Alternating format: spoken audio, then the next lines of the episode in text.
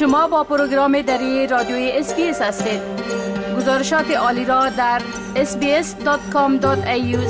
دری پیدا کنید.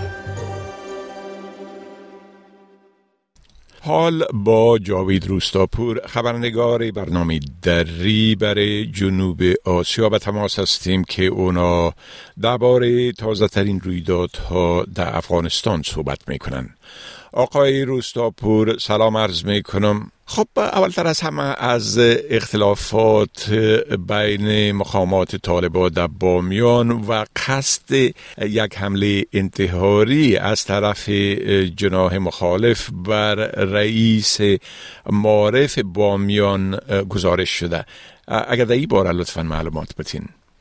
با سلام وقت شما بخیر آقای که بله منابع محلی در ولایت بامیان گفتن که یک فرد انتحاری که با موتری مملو از مواد منفجره در نزدیکی ساختمان ریاست معارف طالبان در این ولایت قصدی حمله به جان رئیس معارف طالبان داشته بازداشت شده. از شخصی که فرد انتحاری گفته می شد به نام ناظر به نام محمد نام برده شده که در تحقیقات ابتدایی این فرد گفته که هدفش عمله به جان ناظر جعفر رئیس معارف طالبا در بامیان بوده. منابع معلی گفتند که این عمله ریشه در اختلافات درونگروهی طالبان در در گروهی مقامات محلی طالبان در بامیان بوده. چون طالبان در بامیان یک بخشش مربوط به والی هستند و بخش دیگه طالبان رهبری محلی طالبان در ولایت مربوط به قماندان امنی هستند که در گذشته هم اختلافاتی داشتن حتی چند بار دعوای یا بر سری مسائل محلی در بامیان رسانه‌ای شد و در نهایت از مرکز از کابل اینا عیت فرستادن تا که اختلافات گروهی طالبان را در بامیان یا دوباره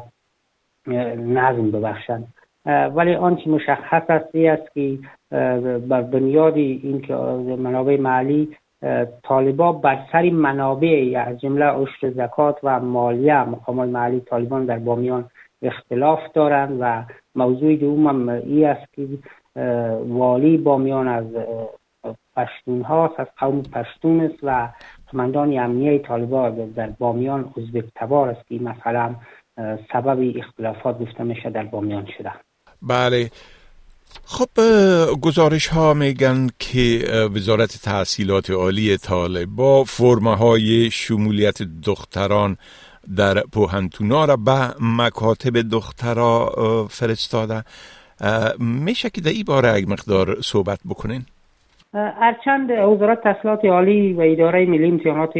کانکور حکومت طالبان هنوز به صورت رسمی در مورد اجازه شرکت دختران در امتحان کانکور سال روان چیزی نگفته. اما برخی منابع بر رسانه ها گفتند که فرمای شمولیت در امتحان کانکور در کابل و برخی ولایات به مکاتب دخترانه توزیع شده تا برای آن شمار از متعلمینی که از صنف دوازده فارغ شدن این فرما را خانه پری کنند و در کانکور این سال اشتراک کنند شماری از مدیران مکتبای دخترانه در کابل و چند ولایت دیگر به برخی رسانه بدون ذکر نامشان تایید کردند که فرما برای اونها از طرف ریاست های معارف رسیده و برای متعلمین سنف دوازده فارغ شدن این فرما را توضیح کردند. در میال واکنش این مسئله داشته و از شماری از متعلمین گفتن که فرما را برای اونا اطلاع دادن که بیاین و فرما را خانه پری کنند ولی اونا آمادگی ندارن به دلیل از اینکه اصلا صنف دوازده را اینا نخواندن و همچنان طالبان پس از این کورسایی که آمادگی کانکور را برای دخترها تعطیل کردن اشتراکی از در کانکور امسال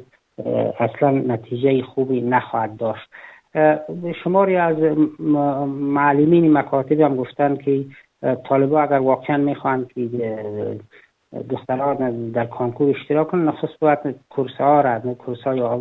آمادگی کانکور را باز کنند. برخی آگاهان به این باورند که این اقدام طالبان یک نوع فریب دادن است که به رسمیت شناخته شند و یا یکی فشاری که از طرف جامعه جهانی بالای طالبان که کاسته شد در حالی که هدف اصلی طالبان باز کردن دروازه های مکاتب و پوهنتون ها برای دختران و زنان نیست. بله خب در گزارش گفته شده که کمیسیون تصفیه طالبان در هرات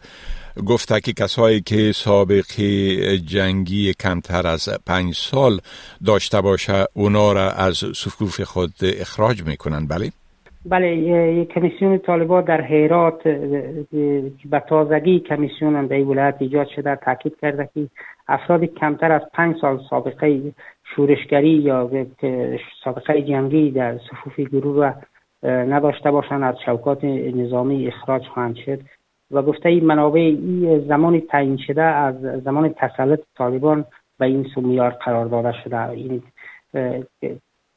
پیش, پیش از تسلط یعنی پس از این کابل سقوط کرد باید یا پنج سال خود را تکمیل کرده باشند. و به این دلیل افتاداد منابع گفتن که طالبان پس از تسلطشان به افغانستان شماری را از خود پذیرفتن و نیروی نظامیشان را بیشتر ساختن و نگرانی هایی هم در پیوند به این مسئله ابراز شده که این موضوع و این اقدام طالبان شاید سبب شد که تعدادی از جنگیان گروه وقتی از صفوف اخراج شدن به گروه داعش و دیگر گروه تروریستی که در افغانستان فعال هستند بپیوندن و این خودش زمینه سربازگیری را به ویژه برای داعش مساعد خواهد ساخت. این در حالی است که در شماری از ولایات هم این کمیسیون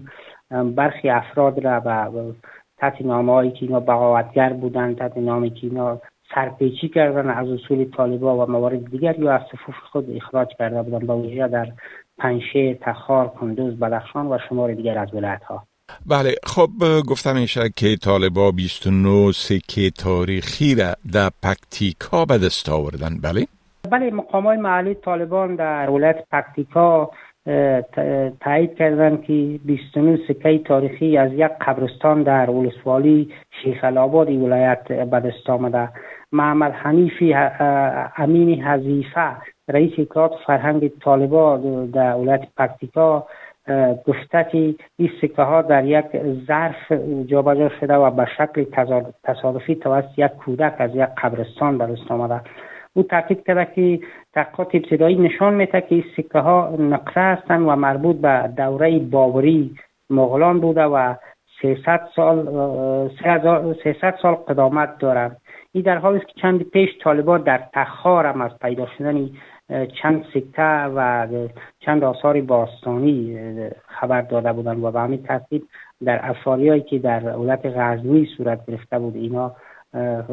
اعلام کردند که چند آثار باستانی از این ولایت به دست آمده.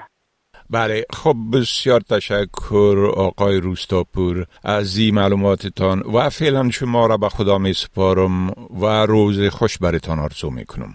وقت شما هم خوش خدا حافظ ناصرتان. می خواهید این گناه گزارش ها را بیشتر بشنوید؟ با این گزارشات از طریق Apple Podcast، Google Podcast، Spotify و یا هر جایی که پادکاستتان را می گیرید گوش دهید.